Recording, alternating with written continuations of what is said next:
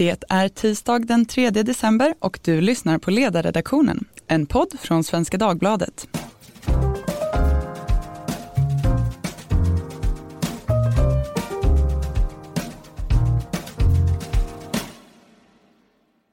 Jag heter Katarina Karkainen och idag ska vi prata om försvarspolitik och totalförsvaret och mer specifikt företagens och näringslivets roll i försvaret av Sverige. Det här är förstås ständigt aktuella ämnen, men särskilt så de senaste åren när vi har sett ett eh, försämrat säkerhetspolitiskt läge med ryska aggressioner i vårt närområde, Kinas ökade intressen i Europa och mer av hybridkrigföring och gråzonsproblematik. Efter ett antal år av tro på att eh, det kanske inte finns något militärt hot mot Sverige och följaktligen nedmontering av vår försvarsförmåga så verkar det som att landet och eh, politiken har börjat vakna, åtminstone så till den grad att flera partier har som ambition att upprusta försvaret och stärka vår förmåga. Regeringen har fastslagit att en av de viktigaste prioriteringarna de kommande åren är att säkerställa den samlade förmågan i totalförsvaret. Och en del i det här är den utredning om näringslivets roll inom totalförsvaret som igår överlämnades till regeringen och försvarsminister Peter Hultqvist om just detta. Hur är förmågan i totalförsvaret? Vilka problem finns? Vad har näringslivet för roll? Och vem ska egentligen betala?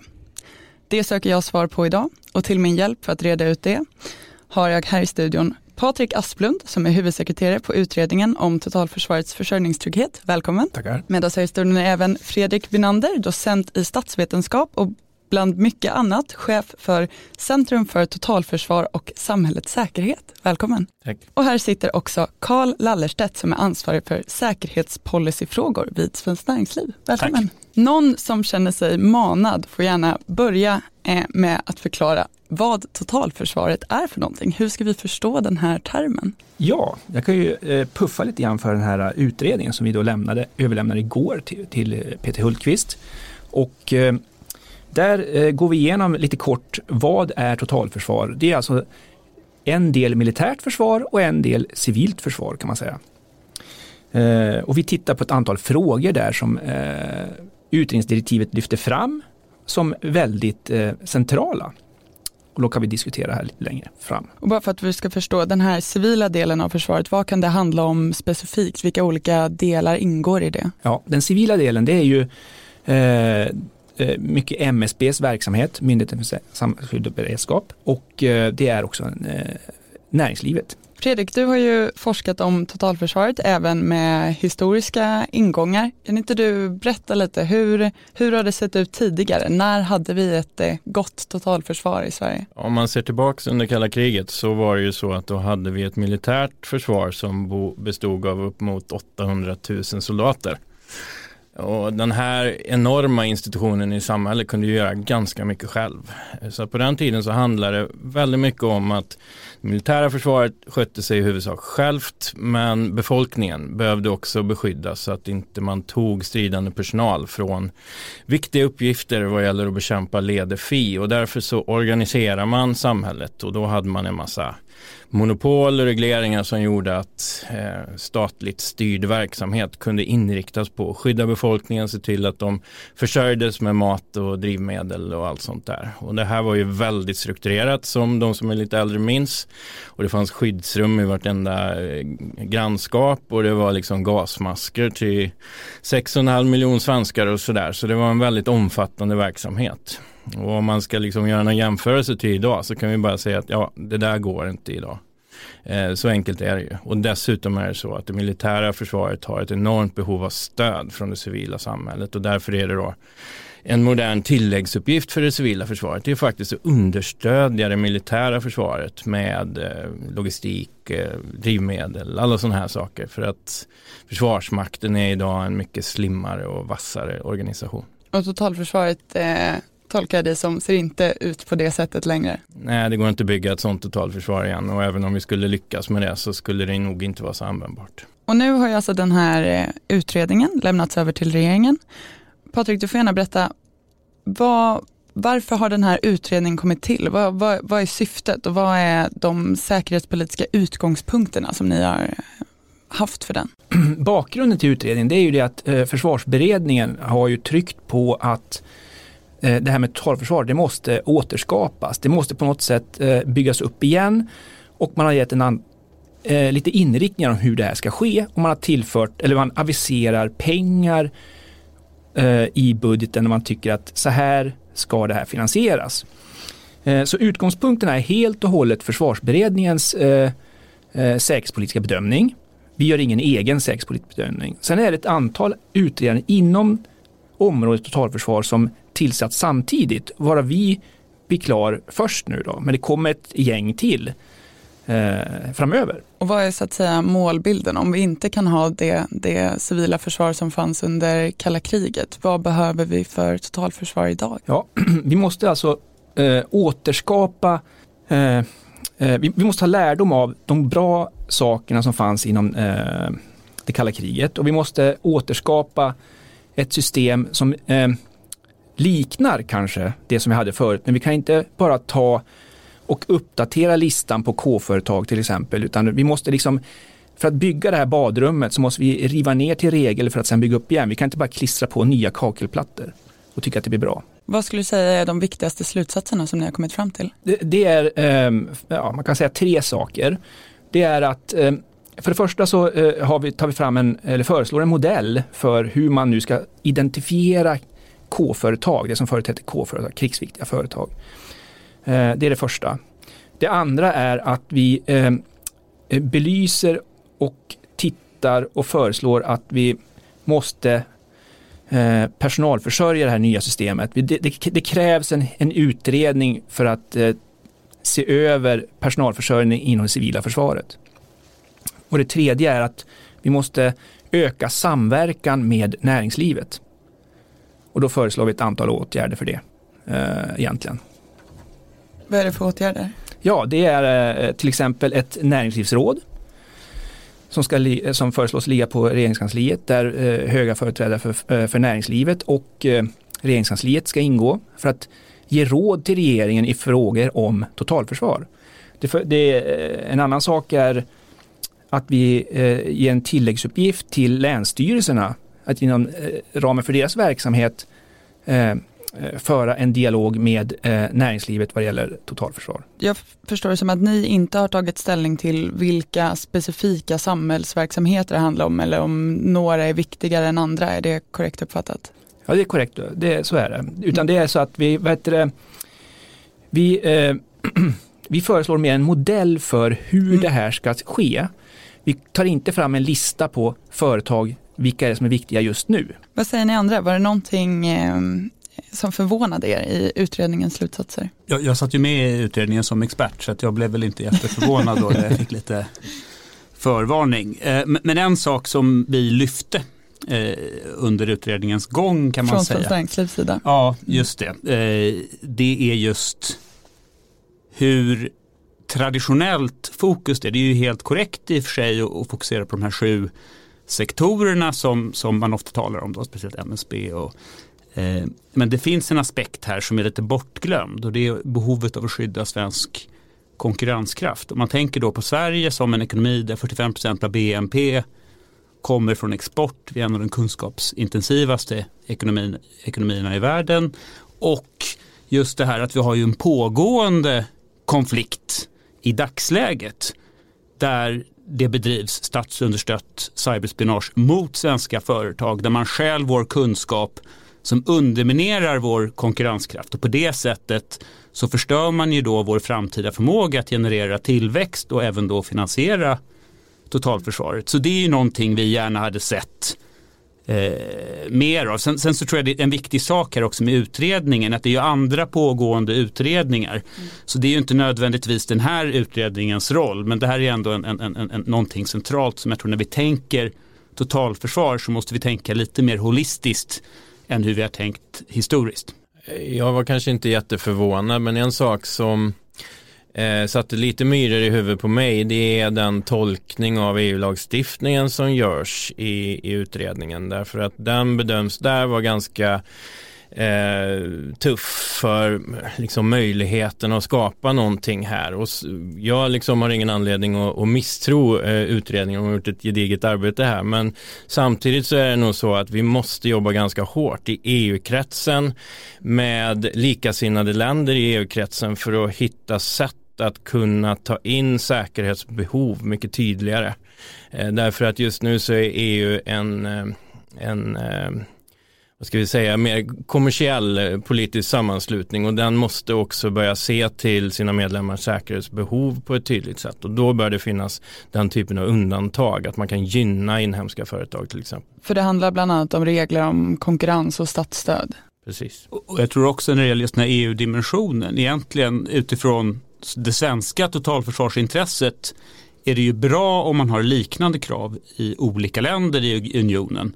Dels så får vi en bättre totalförsvarsförmåga för att förmågan i våra grannländer stärks och det är ju väldigt osannolikt att vi kommer få ett scenario där det bara är Sverige som drabbas. Och sen den här oerhört viktiga aspekten också nu när förutsättningarna för näringslivet är helt annorlunda. Och liksom om vi tänker totalförsvaret, nu är det ju privat konkurrensutsatt verksamhet. Så säkerställa konkurrensneutralitet blir ju mycket lättare om man ställer samma krav mot företag i Sverige som man ställer mot företag i andra länder.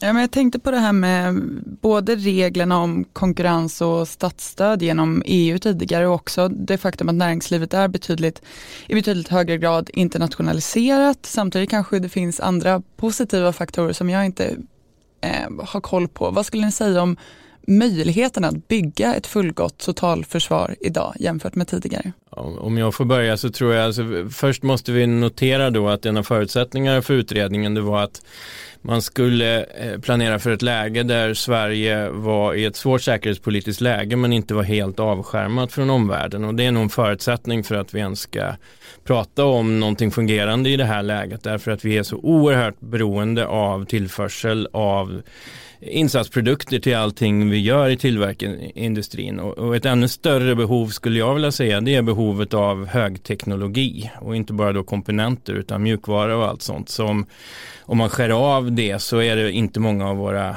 system för olika samhällsviktiga verksamheter som överhuvudtaget kommer fungera. Så att man måste ju ändå säga att direktiven har gett utredningen eh, en, en situation att planera för som inte är helt worst case. Men det är samtidigt ganska rimligt att man börjar med, med den situationen. För det är inte särskilt troligt att vi skulle bli helt avskärmade, eller?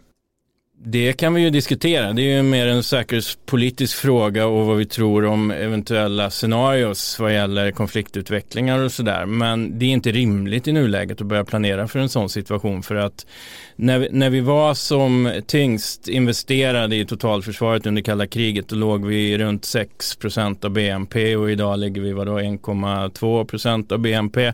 Vi pratar inte alls samma vad ska vi säga, politiska vilja att eh, göra de här sakerna och vi kommer inte få den under eh, den närmaste framtiden heller. Så att därför bör vi, men vi bör också vara klara med vilka begränsningar vi har i det vi planerar för. Och det tror jag att eh, den tydligheten måste politikerna faktiskt ta på sig och säga att det är det här vi planerar för och det får inte gå värre för då har vi inget kvar i ladorna. Liksom.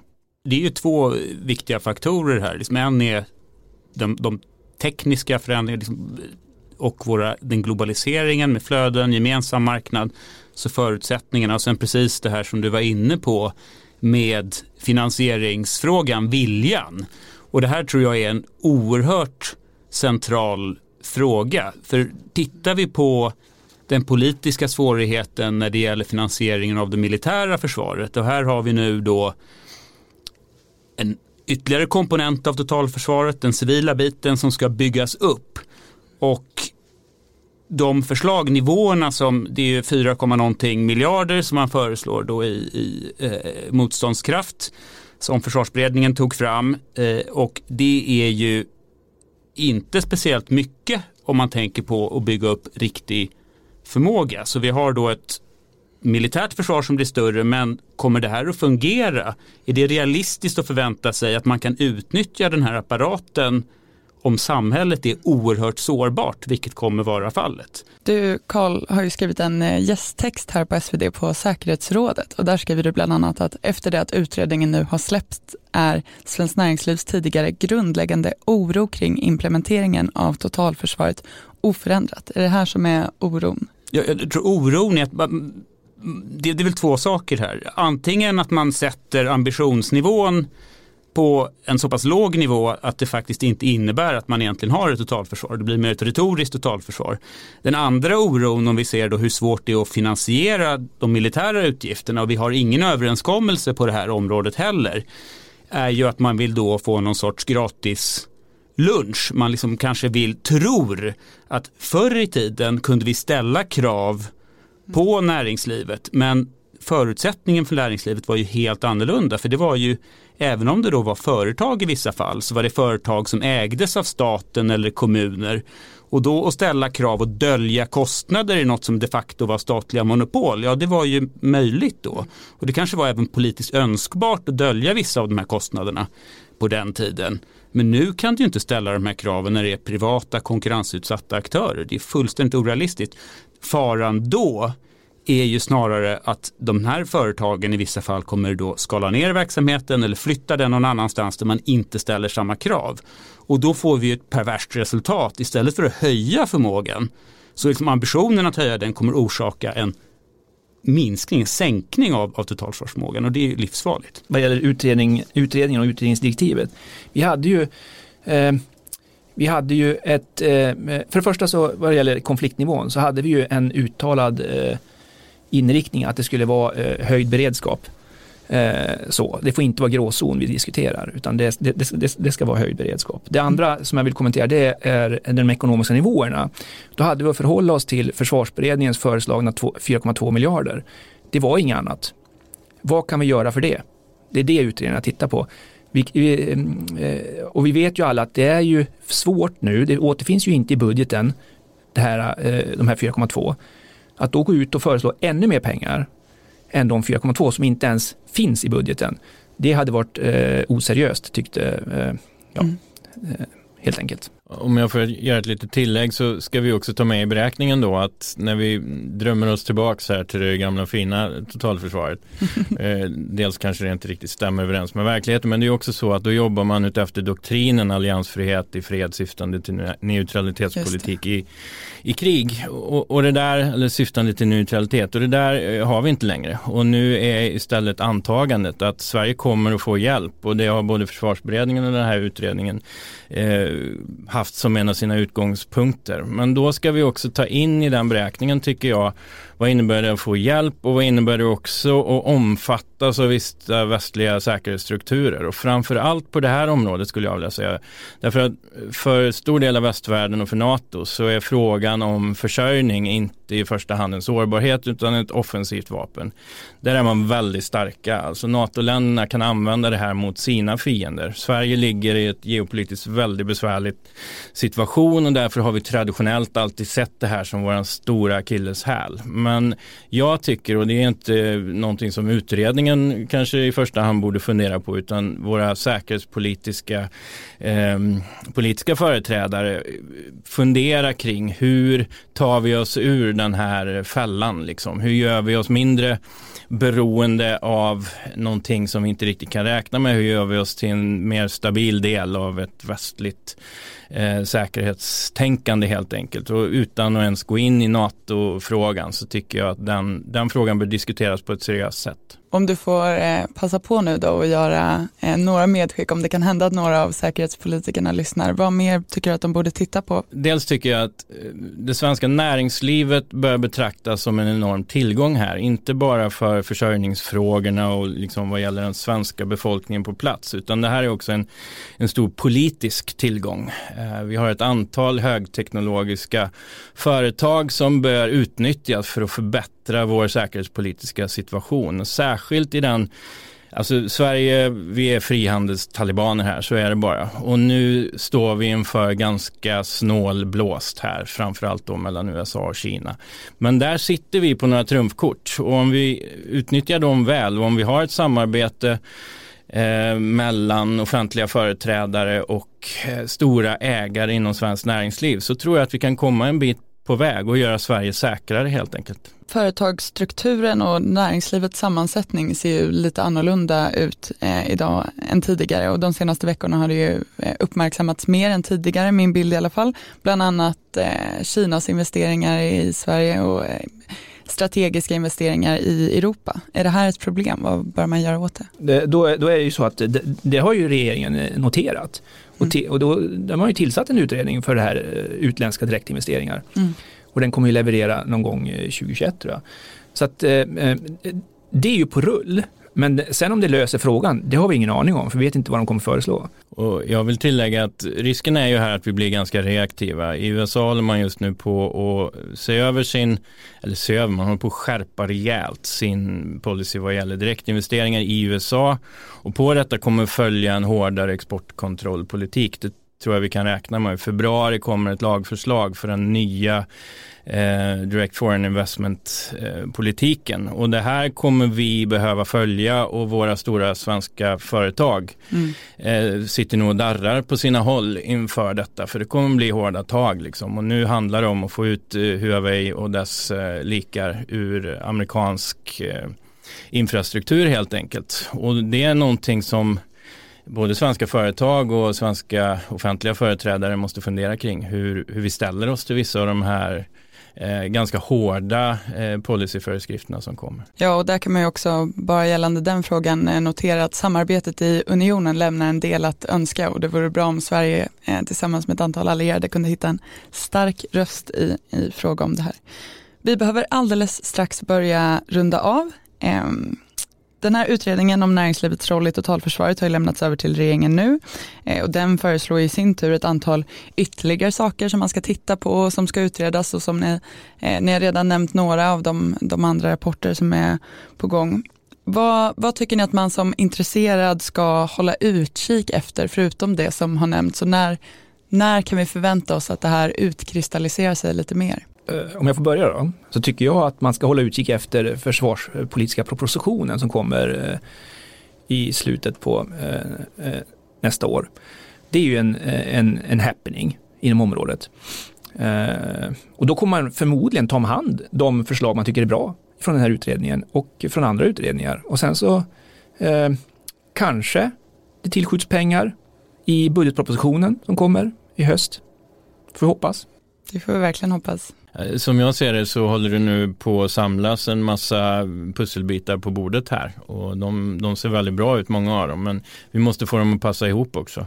Och jag tror att för, för att det ska hända så kommer man behöva trycka till resurser, man mm. kommer behöva öppna sig lite vad gäller eh, möjligheter till att ändra i lagstiftning och så som vi inte har sett i något av de direktiv som har getts till de, eh, de utredningar som ligger nu det tror jag att det politiska systemet måste gå i den riktningen.